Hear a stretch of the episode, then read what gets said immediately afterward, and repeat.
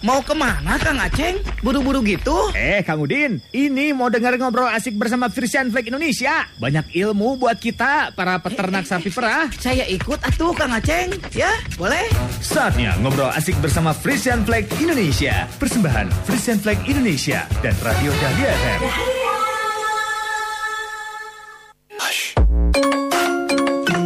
101,5 Dahlia FM Bandung Goyang Sikasik. Assalamualaikum wargi Dahlia. Hai apa kabarnya malam ini? Di hari Jumat tanggal 10 September 2021 Di bulan ke-9 ya wargi Dahlia. Baby Alia juga mau menyapa wargi Dahlia Yang sedang pantengin di live Instagramnya Radio Dahlia FM Dan juga Instagramnya eh, Di Facebooknya Radio Dahlia FM ya Seperti biasa di hari Jumat setiap dua minggu sekali Kita selalu hadir menemani wargi Dahlia Di acara Radio Bawara Fresh Flag Indonesia ya Pastinya program Radio Bawara ini adalah salah satu program pengembangan peternakan sapi perah Frisian Flag Indonesia. Program ini itu membantu setiap peternak untuk memperoleh pengetahuan, terus juga mendapatkan pendidikan dan juga bantuan informasi agar susu yang dihasilkan dari ternaknya ini bisa lebih banyak dan juga berkualitas baik warga Dahlia ya. Karena harus ingat ya, susu berkualitas berarti peternak dan juga keluarganya sejahtera loh. Itu yang harus selalu diingat sama warga Dahlia dan juga kawan peternak semuanya. Hmm. Makanya wajib pantengin selama satu jam ke depan nih ya wargi Dahlia buat yang mungkin uh, ada kawan peternaknya yang nggak bisa pantengin lewat radio kasih tahu aja pantengin aja di Facebooknya Radio Dahlia FM atau di Instagramnya Radio Dahlia FM gitu ya untuk mengajukan pertanyaan juga boleh ya via WhatsApp di 0811 2221015 ya. Karena tema kita malam ini cukup sangat menarik sekali warga Dahlia apalagi sekarang lagi musim virus ya warga Dahlia dan lagi musim banget nih warga Dahlia semuanya pasti sekarang lagi proses uh, menuju ataupun divaksinasi ataupun ada yang sudah vaksinasi. Nah, ternyata ya kita juga harus mengenal vaksinasi pada sapi perah nih kawan peternak semuanya. Hmm. Bahasannya seperti apa? Malam ini Baby Alia nggak sendirian. Baby Alia sudah terhubung dengan dua narasumber kita ya. Malam ini ada Dr. Hewan Fajar Hari Setia Budi selaku DDP Supervisor Jawa Timur PT Version Flag Indonesia. Halo, selamat malam Mas Fajar. Malam, Assalamualaikum. Waalaikumsalam. Kita ketemu lagi. Apa kabarnya nih? Sehat Mas Fajar? Alhamdulillah sehat. Kumaha teh Damang? Alhamdulillah Damang. Malam ini lagi di Jawa Timur? Benar di Jawa Timur. Benar luar biasa ya. Boleh disapa dulu nih wargi Dahlia ataupun kawan peternak yang ada di Jawa Barat dan juga di Jawa Timur. Silahkan Mas Faizar. Ya, uh, selamat malam wargi Dahlia di Bandung, di Lembang, Pangalengan, di Jawa Barat ataupun yang mendengarkan secara online yang dari Jawa Timur ataupun Jawa Tengah. Uh -huh. Semoga kita bisa dengarkan materi malam ini dengan baik. Iya, amin mudah-mudahan ya. Dan pastinya Mas Fajar juga nggak sendirian. Ini ada satu narasumber lagi yang sudah terhubung dengan kita juga. Ada Dokter Hewan Rosalia Aryani. Halo, selamat malam Bu Rosa. Selamat malam Mbak Baby. Ah, Bu Rosa, apa kabarnya sehat? Sehat. Iya, ini selaku Sales Support Manager PT Sanbe Pharma ya, Bu Rosa ini. Bu Rosa, iya, betul. malam ini sedang berada di daerah mana, Bu Rosa? Saya ada di Bandung. Ada di Bandung, di suatu tempat iya. yang dingin ya. Bu Rosa boleh disapa dulu nih kawan peternaknya ada di Jawa Barat ataupun di Jawa Timur, mangga silahkan. Iya, selamat malam warga Dahlia dan peternak di mana pun berada. Mm -hmm, mudah-mudahan pada sehat semuanya Bu Rosa ya. Harapannya demikian. Betul, karena untuk zaman sekarang kesehatan itu menjadi hal yang penting dan juga yang uh, menjadi hal yang sangat mahal sekali ya. Seperti yang Baby Alia bilang, sekarang lagi musim virus banget nih ya. Malam ini juga pembahasan kita seperti berhubungan dengan situasi yang saat ini kita hadapi ya. Sama-sama uh, kawan peternak juga semuanya sedang menghadapi untuk proses vaksinasi. Nah, ternyata kita juga harus mengenal vaksinasi pada sapi perah yaitu vaksinasi terutama vaksinasi terkait COVID-19 juga yang sama-sama kita tahu nih warga Dahlia. Nah untuk sapi perahnya sendiri, kenapa vaksin itu penting? Mungkin boleh diawali oleh Mas Fajar, silakan Mas Fajar. Oke, terima kasih Teh. Nah pertanyaannya sendiri sebenarnya menarik ya, kenapa vaksin itu penting? Dan mungkin kata yang lebih tepatnya, uh, kenapa sih vaksin itu bermanfaat gitu ya, terutama yeah. untuk sapi perah kalau untuk malam ini. Nah, pada sapi perah pun sebenarnya ada vaksinasi kalau kita biasanya sering ngomong imunisasi lah kalau kayak di posyandu gitu ya. Iya. Yeah. Dan imunisasi ini adalah salah satu cara uh, kita pencegahan terhadap penyakit tertentu Sebagai contoh nih, eh, ada brucellosis, kemudian ada mastitis, dan kalau di manusia kita lagi hot-hotnya, lagi rame-ramenya ngomongin vaksinasi COVID. Nah itu adalah salah satu kenapa vaksin itu penting gitu teh. Hmm, Oke, kenapa vaksin itu penting? Barusan sudah sedikit terjawab oleh Mas Fajar. Kalau saya pengen tanya dulu sama Bu Rosa, nih boleh mungkin dipaparkan terlebih dahulu sama wargi Dahlia dan kawan peternak. Sebetulnya vaksin itu apa sih Bu? Oke, baik. Jadi pada prinsipnya vaksin itu adalah mikroorganisme bisa berupa virus atau bakteri yang telah mengalami beberapa proses. Nah, proses ini adalah eh, dilemahkan, diinaktivasi atau dimatikan untuk menghilangkan sifat keganasannya, tapi tetap mempertahankan sifat imunogenik. Nah, imunogenik ini adalah kemampuan untuk menggertak kekebalan. Hmm, Sehingga nanti ketika diberikan, baik kepada hewan maupun manusia, itu tidak menimbulkan sakit. Justru mampu menstimulasi atau menggertak timbulnya respon kebal terhadap penyakit tertentu yang sesuai dengan mikroorganisme yang diberikan bersama vaksin tadi. Hmm, oke baik. Tadi sempat disinggung juga sama Mas Fajar. Kalau vaksinasi ataupun vaksin itu pastinya akan memberikan manfaat ya. Mungkin sama-sama kalau untuk manusia kita sama-sama eh, sudah mengetahui manfaat eh, manfaat vaksin untuk apa. Tapi kalau untuk perlindungan terhadap sapi atau hewan, vaksin itu berfungsi untuk perlindungan seperti apa sih Bu Rosa? Nah, baik. Jadi sebenarnya sama ya vaksin pada manusia maupun hewan. Tujuannya itu adalah melindungi atau menghindarkan sebelum ada paparan dengan mikroorganisme tertentu. Mhm. Jadi tujuannya itu adalah mencegah, mencegah supaya tidak sakit. Nah, itu eh, fungsinya sa- salah satu fungsinya. Yang kedua adalah mencegah atau menghalangi misalnya virus masuk ke dalam tubuh. Virus ini akan membajak tubuh kita atau tubuh hewan untuk memperbanyak diri. Nah, kalau dilakukan vaksinasi, proses ini tidak eh, tidak akan terjadi. Hmm, Nah, kalau eh, kalau hasil apa maksudnya tadi dibajak tubuh kita dibajak, kemudian dia bertambah banyak, suatu saat nanti jumlahnya sudah banyak, dia akan keluar lagi. Nah, ketika keluar tadi, dia akan menulari yang lain. Jadi yang sakit menularkan kepada yang sehat. Hmm, oke. Untuk membentuk imunita, immunity gitu ya terhadap sapi Iya, juga betul. gitu ya. Oke, luar Betul, biasa. sama. Hmm, berarti tidak ada bedanya dengan manusia. Sapi pun butuh perlindungan ya di masa zaman virus kayak gini ya, Bu ya. Oke, nanti kita akan bahas lebih lanjut lagi, lebih detail lagi, lebih lengkap lagi. Wargi Dahlia jangan ke mana-mana, kawan peternak. Baby Alia punya persembahan dulu, mini drama persembahan dari Frisian Flag Indonesia. 101,5 Radio Dahlia FM. Radio nomor 1. 1. Di Bandung. Ya, ini bagaimana ya? Rencana mau jual pedet nanti ketika sapi lahiran? Eh, malah keguguran. Padahal kan udah dibuat untuk daftar sekolah tahun depan. Iya nih. Padahal kita sudah berharap dan hitung-hitungnya. Dan sudah tiga kali ini abortus. Ketika kebuntingan di atas lima bulan. Eits, kalian kenapa? Kok pagi-pagi kayaknya udah pada berkerut keningnya? Iya nih Kang. Pusing saya teh. Potensi dapat 10 juta rupiah. Melayang. Karena tiga kali keguguran sapinya Kang. Waduh, gawat itu. Sudah lapor ke Keswan? Iya Kang, sudah saya suruh. Tapi Kang Endang nggak mau. Malu katanya. Oh, malu kenapa? Gak boleh malu atuh. Ini bahaya soalnya. Menuju ke tanda-tanda kalau sapi kena brucellosis. Sehingga harus Keswan cek. Apakah betul terkena brucellosis atau penyakit lainnya? Eh, brucellosis teh apa ya Kang? Wah, ini nih. Ke mana aja tuh, Nang? Makanya kalau ada penyuluhan, datang dong. Jadi bisa update terus tentang sapi dan peternakan. Jadi gini nih, brucellosis itu adalah penyakit hewan menular yang disebabkan oleh bakteri genus Brucella dan bersifat zoonosis. Di Indonesia nih, brucellosis sering dikenal sebagai penyakit keluron menular. Hewan yang terinfeksi kuman Brucella teh dapat mengalami keguguran reproduksi seperti abortus alias keguguran pada umur 5 sampai 7 bulan kebuntingan, Kang. Wih, Kang Dudu, canggih uy. Kang Dang, besok-besok kalau ada penyuluhan harus dateng ya, biar tambah pinter. Ah, saya mah bukan pinter, tapi sering ikut tanya-tanya ke penyuluh dan keswan. Jadi waktu kapan hari gitu, ada program vaksin untuk pencegahan brusellosis.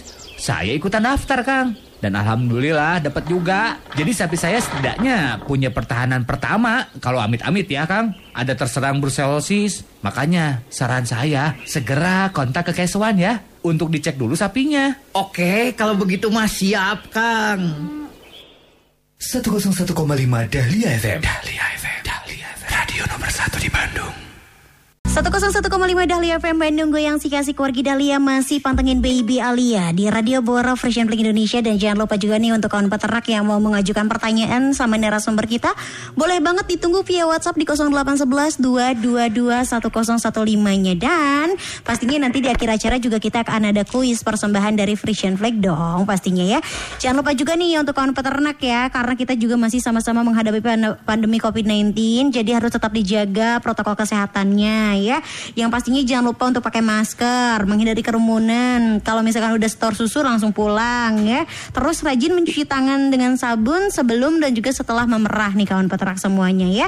Dan pastinya Baby Alia juga menyampaikan informasi yang sangat penting sekali terkait mini drama yang tadi udah sama-sama kita dengarkan nih wargi Dahlia dan juga kawan peternak ya.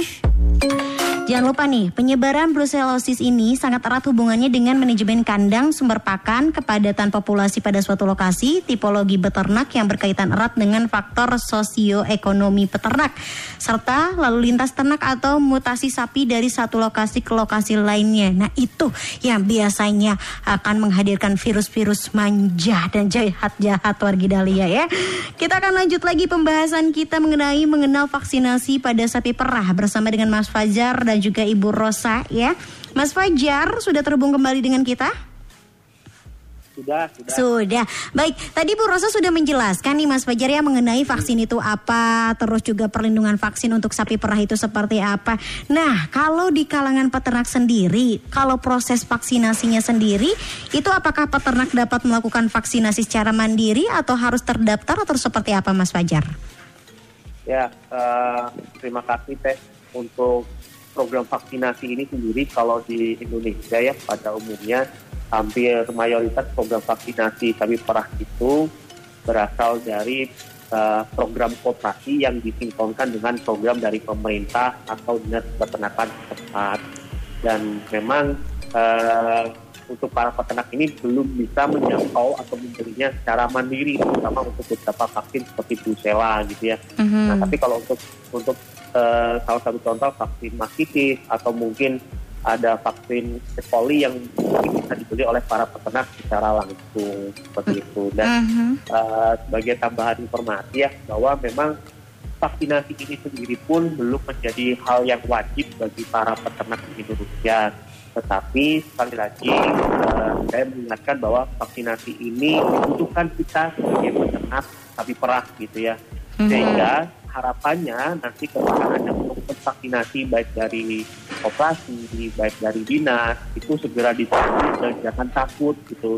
Karena banyak sekali info dari petugas keswan yang ada di koperasi eh, banyak peternak yang takut untuk sapinya divaksin seperti itu teh Mhm, karena mungkin kalau di manusia kalau vaksinasi itu ada berbagai efek samping yang nantinya eh, menyertai karena kan baru dimasukkan eh, sesuatu yang baru gitu ya ke dalam tubuh katanya seperti itu. Kalau pada sapi sendiri akan ada reaksi seperti itu juga, Mas? Ya, eh, pada sapi pun sebenarnya juga ada reaksi yang mirip-mirip yang sedang kita alami hari ini ya. Eh, ada yang namanya demam, kemudian terkadang nafsu makan dari sapi itu menurun, eh, kemudian dia ada kelelahan selama dua atau tiga hari ya hampir sama sih. Iya, nggak usah panik berarti ya kalau nanti Iya. eh, sapi perahnya divaksin ya.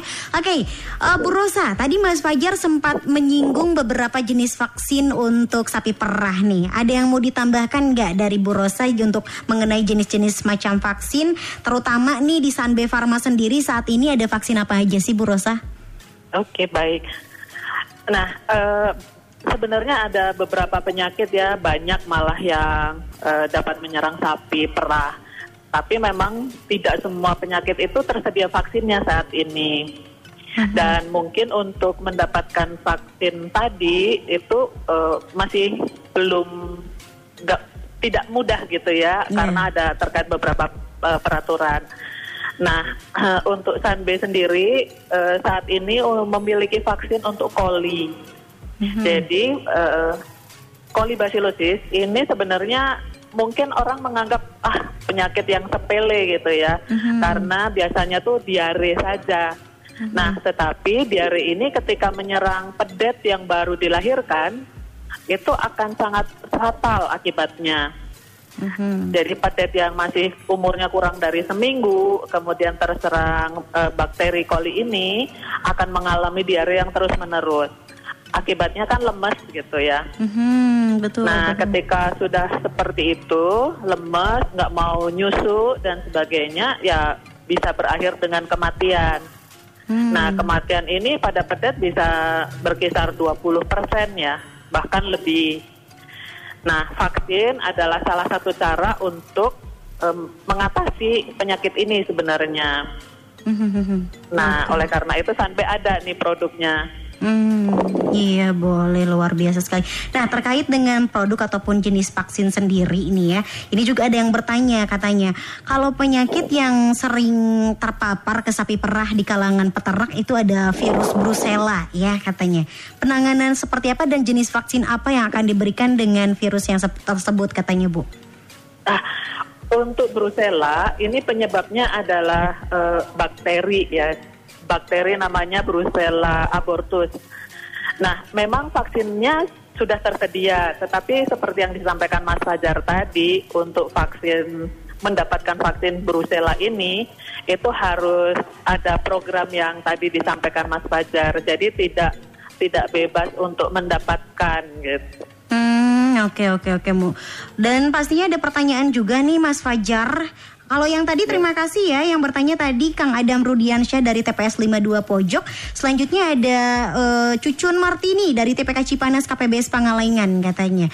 Mau tanya nih kalau misalkan sapi yang sedang bunting apakah boleh untuk divaksin Mas Fajar? Ya, kalau eh, tergantung vaksinnya ya, tapi secara umum eh, apabila dapat dihindari untuk vaksinasi dalam keadaan bunting lebih baik dihindari gitu ya.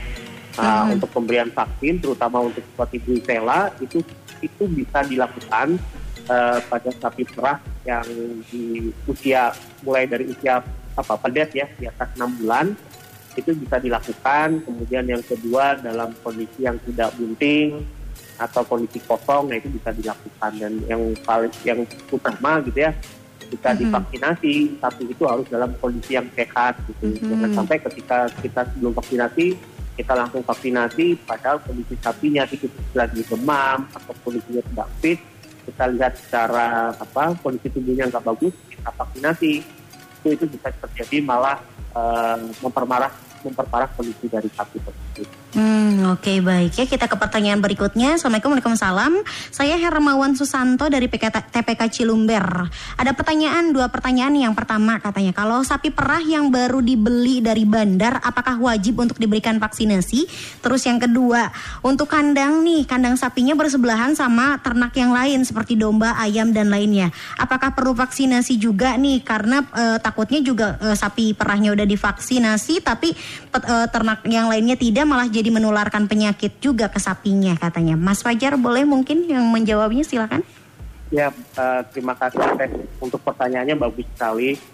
Apabila ada sapi yang baru masuk, da- baik itu diberinya dari pelantik atau dari pasar hewan gitu ya, Mhm. memang sebaiknya begitu sapi itu masuk ke kandang kita, itu eh, alangkah idealnya itu dipisahkan terlebih dahulu dari sapi yang lain gitu ya.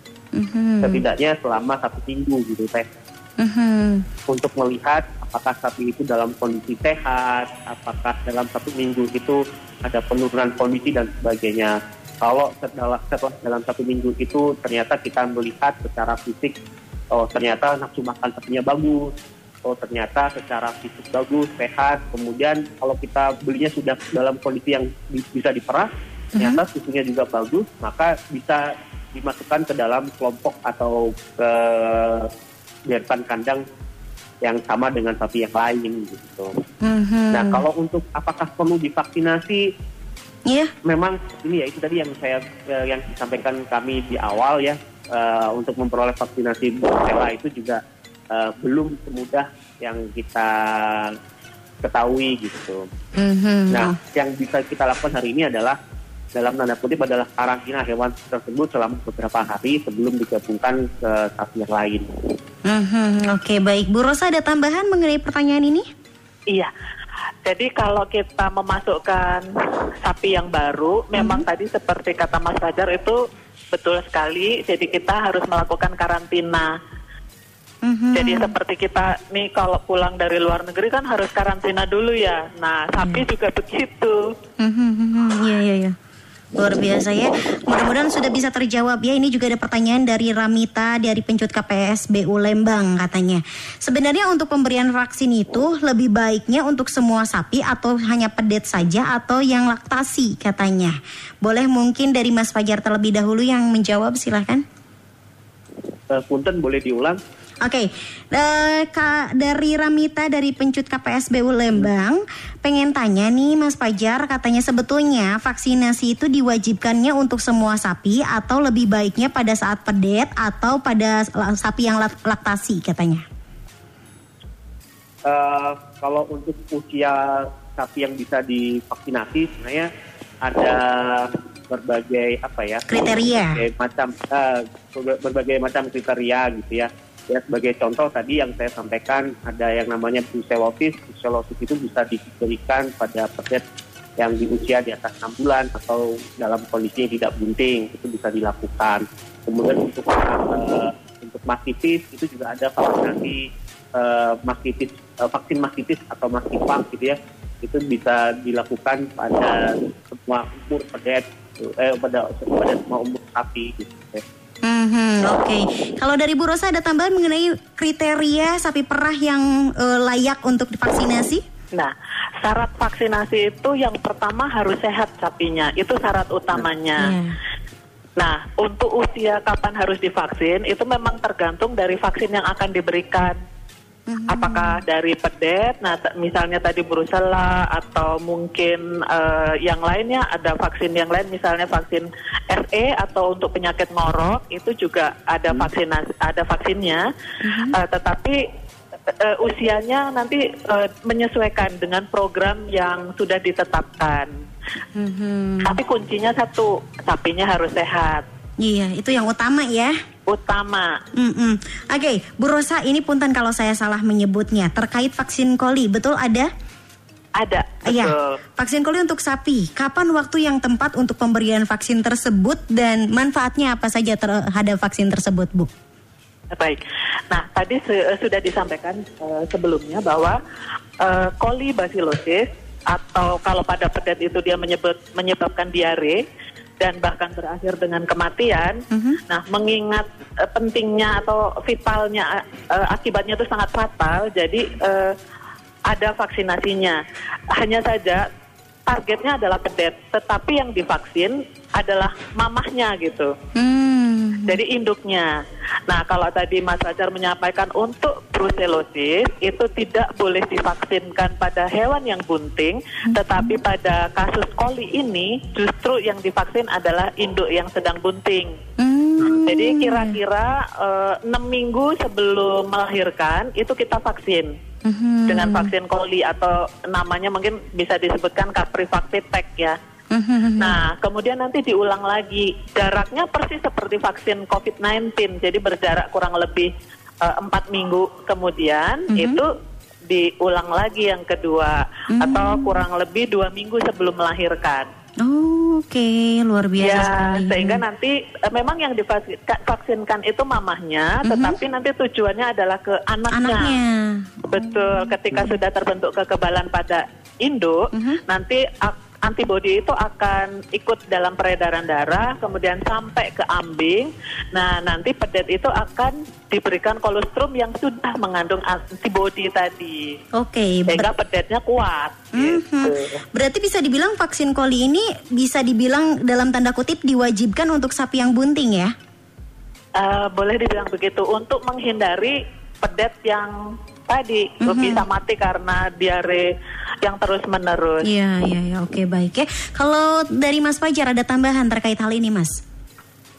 Ya kalau untuk soal vaksin poli, eh, saya serahkan ke Bu Lota ahlinya ya karena Iya. memang eh, Sanbe Pharma atau Fakri Farmindo sendiri saat ini memproduksi vaksin tersebut seperti itu. Mhm, Oke baik tadi sudah terjawab dengan jelas sebetulnya ya sama Bu Rosa ya.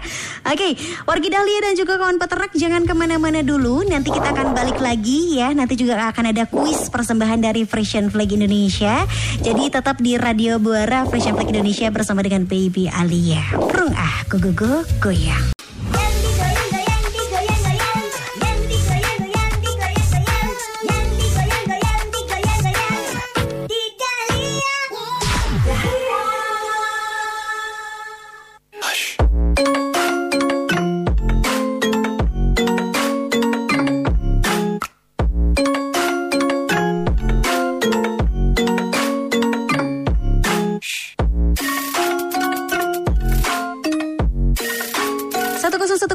Dahlia FM Bandung Goyang si kasih wargi Dahlia masih di Radio Bora Operation Flag Indonesia masih bareng sama Baby Alia. Siap-siap nih wargi Dahlia yang mau ikutan kuis boleh di 73028 ya. Jangan lupa kalau Baby Alia bilang Radio Bora Operation Flag jawabnya asik atau prung ah ke gogo goyang ya.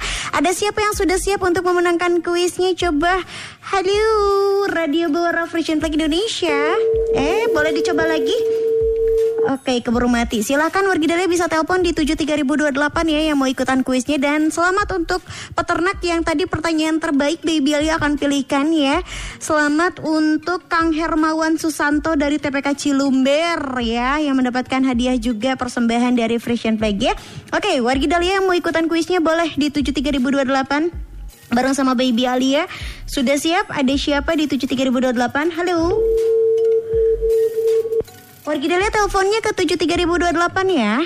Sekali lagi Wargi Dahlia yang mau ikutan kuis teleponnya ke 73028 ya. Bukan ke 7311710 ya. Oke, sudah ada. Halo, Radio Bora Fresh and Flag Indonesia. Tung ah, ya. Hai, sama siapa sayang? Yan di Sukapura. Yandi di Sukapura. Oke, Yandi. Tian, Oh, Ian. Si Tian Tenggo Tenggo. Oh, Tian, Tian. Tian di Sukapura. Tian, Ya, Pertanyaannya gampang banget Tian ya. Coba sebutkan salah satu macam vaksin yang tersedia untuk sapi perah seperti yang tadi sudah dijelaskan. vaksin untuk Brusela sama vaksin untuk poli. Ih, ini mah luar biasa disuruh satu langsung dikasih dua jawabannya ya. Ian, selamat kamu berhak mendapatkan hadiah dari Fresh and Flag bisa diambil di jam kerja di Radio Dahlia. Jangan lupa bawa KTP asli ya. Sami-sami panteng radio. Kanteng Dahlia enak-enak lah kannya dari Tung ah, go go go. Siap, terima kasih Tian, sayang cinta baby sudah cukup ya wargi Dahlia untuk kuis malam ini ya. Pastinya selamat untuk Kang Tian dan juga selamat untuk Kang Hermawan Susanto dari TPK Cilomber untuk perwakilan dari kawan peternak yang mendapatkan hadiah ya. Oke, kita sudah terhubung kembali nih dengan Mas Fajar. Mas Fajar, kita kurang lebih sudah hampir mau satu jam ya untuk ngobrol-ngobrol tentang tema kita malam ini mengenai vaksinasi terhadap sapi perah ya. Em, boleh terakhir kesimpulannya nih rangkuman yang mau disampaikan untuk wargi Dahlia dan juga kawan peternak supaya lebih mengenal mengenai vaksinasi terhadap sapi perah. Silakan Mas Fajar. Ya, oke. Eh, bahwa vaksinasi itu adalah salah satu ikhtiar kita atau jalan untuk pencegahan terjadinya maksudnya penyakit ke dalam tubuh baik itu pada sapi ataupun bahkan pada manusia. Nah, tapi tentu saja satu pencegahan ini dalam hal ini vaksinasi ini tidak cukup gitu ya. Juga perlu diperlukan seperti kita harus melihat pakannya, kebersihan, sirkulasi udara dan banyak hal. Dan yang perlu diingat itu ada eh, pedoman kami sebagai dokter hewan ada tiga hal terkait dengan proses masuknya penyakit ya dalam sapi yang diakibatkan oleh virus atau bakteri. Yang pertama adalah kondisi tubuh sapinya. Kalau sapinya sehat, insya Allah eh, jumlah virus seberapa banyak atau bakteri yang ganas pun ketika kondisi tubuhnya sehat maka eh, kekebalan tubuhnya dapat terbentuk, dapat melindungi oleh sapinya. Kemudian yang kedua ada yang namanya jumlah virus atau bakteri. Jumlah virus atau bakteri ini akan bisa berkembang, bisa lebih banyak atau sedikit itu eh, ada pola-polanya. Salah satunya adalah terkait dengan kebersihan kandang gitu ya. Tadi saya menyinggung soal mas- eh, vaksin mastitis. mastitis ini sendiri kan sebenarnya diakibatkan oleh kebersihan kandang, lantai kandangnya basah atau kering atau bersih atau ya apa bersih kering atau bersih basah gitu ya. Kalau bersih basah maka bakterinya akan senang di situ, memperbanyak diri di situ, jumlah virusnya jadi banyak, eh jumlah bakterinya jadi banyak, maka dia dapat menyerang sapinya dengan tentara yang sangat banyak. Hmm, Oke. Kemudian yang ketiga, uh, tadi saya ngomong kondisi tubuh, yang kedua adalah jumlah virus atau bakterinya. Yang ketiga ini adalah terkait dengan keganasan virus atau bakteri. Semakin ganas virus, semakin ganas bakteri yang didukung oleh lingkungan, maka dapat menyebabkan sapi ini gampang atau terserang penyakit seperti itu. Nah, inilah sebenarnya buktinya kita selalu mengingatkan bahwa vaksin itu penting. Yang pertama, kemudian jangan lupakan ketika vaksinasi itu penting, kebersihan kandang harus dijaga, pemberian pakannya cukup, dan saya sangat apresiasi dengan para peternak yang eh, pemberian melakukan pemberian apa ya multivitamin herbal gitu ya. Mhm. Sebagai contoh ada temulawak, kemudian ada telur bebek, asam jawa dan sebagainya itu yang untuk mendukung kesehatan sapi perah. Mhm. Seperti itu kalau dari saya teh. Oke, berbagai aspek harus diperhatikan ya sapi perah itu ya harus dimanja bisa dibilang biar nanti produktivitas susunya juga meningkat, sapinya sehat terus juga ya Kang ya. Oke, baik kalau dari Bu Rosa silakan untuk eh, sebagai penutup nih kesimpulan yang bisa diambil dari diskusi kita malam ini apa yang mau disampaikan Mangga Bu Rosa? Iya. Jadi vaksinasi itu eh, perlu, tetapi yang lebih perlu lagi adalah pendukungnya. Jadi seperti COVID-19 nih, eh, vaksinnya perlu, tapi jaga prokes juga wajib kan. Iya, iya. Nah, untuk sapi ini juga ada prokesnya, 5M juga. Mhm. M yang pertama memberikan gizi yang baik, dalam hal ini berarti kualitas pakannya baik untuk sapi. Mhm. Yang kedua memberikan kolostrum yang cukup untuk pedetnya supaya nanti tumbuh sehat. M yang ketiga adalah menjaga kebersihan kandang dan lingkungannya termasuk para pekerjanya. Mhm. M yang keempat, mengalirkan oksigen atau memberikan sirkulasi udara yang baik di dalam kandang supaya tidak dingin dan lembab. Karena kalau lembab, banyak mikroorganisme yang lebih mudah tumbuh. Mhm. M yang kelima adalah memberikan suplemen atau obat cacing secara berkala. Nah, itu Mbak Baby. Luar biasa tuh bukan hanya ke peternaknya saja yang harus menerapkan 5M tapi juga sapi perahnya juga Sapinya. harus diperhatikan ya. Oke, Betul. Bu Rosa hari ini sangat padat sekali informasinya. Terima kasih banyak untuk waktunya malam ini ya. Sama-sama. Mhm, terima kasih juga untuk Mas Fajar untuk informasinya malam ini juga sangat lengkap sekali. Mudah-mudahan semuanya selalu diberikan kesehatan ya. Iya Ya, baik. sama-sama. Siap, sampai jumpa lagi Mas Fajar Bu Rosa. Sampai jumpa lagi. Selamat malam. Malam, iya wargi Dahlia itu dia tadi obrolan bersama dengan dua narasumber kita mengenai vaksinasi terhadap sapi perah nih ya, yang pastinya harus diperhatikan ya kebersihan, terus eh, juga makannya sapi perah dan juga yang paling penting adalah harus bisa memperlakukan sapi perah itu sebagaimana eh, kayak manusia pengen diperlakukan gitu. Jadi harus penuh perhatian supaya produktivitas susu sapinya juga meningkat dan juga penghasilan dari peternak juga bisa meningkat. Jadi peternaknya juga bisa sejahtera ya. Mudah-mudahan malam ini banyak sekali yang bisa diambil sama kawan peternak semuanya dan mudah-mudahan selalu dalam keadaan sehat semuanya. Jangan lupa kehadiran Radio Buara pada tanggal 24 September 2021 mendatang ya. Ayo ajak peternak lain untuk mendengarkan Radio Buara dan juga membaca tabloid ya. Yang pastinya supaya ilmu seputar peternakan sapi perahnya juga bisa bertambah lagi dan bisa diterapkan di peternakannya masing-masing ya. Baby Alia akan pamit dulu wargi Dahlia. Nanti kita ketemu lagi di KIP Dahlia. Sehat selalu untuk semua. Pantang radio, pantang Dahlia. Enak-enak lagamnya Dahlia. Perung ah, go go go, goyang. Kang Udin, Kang Udin. Kang Udin mah, hayu atuh Kang pulang. Ngobrol asik bersama Frisian Flag Indonesia-nya udahan. Terus gimana tuh saya? Tenang, ngobrol asik barengan Frisian Flag Indonesia bakalan balik lagi tiap hari Jumat dua minggu sekali. Persembahan Frisian Flag Indonesia dan Radio Dahlia FM.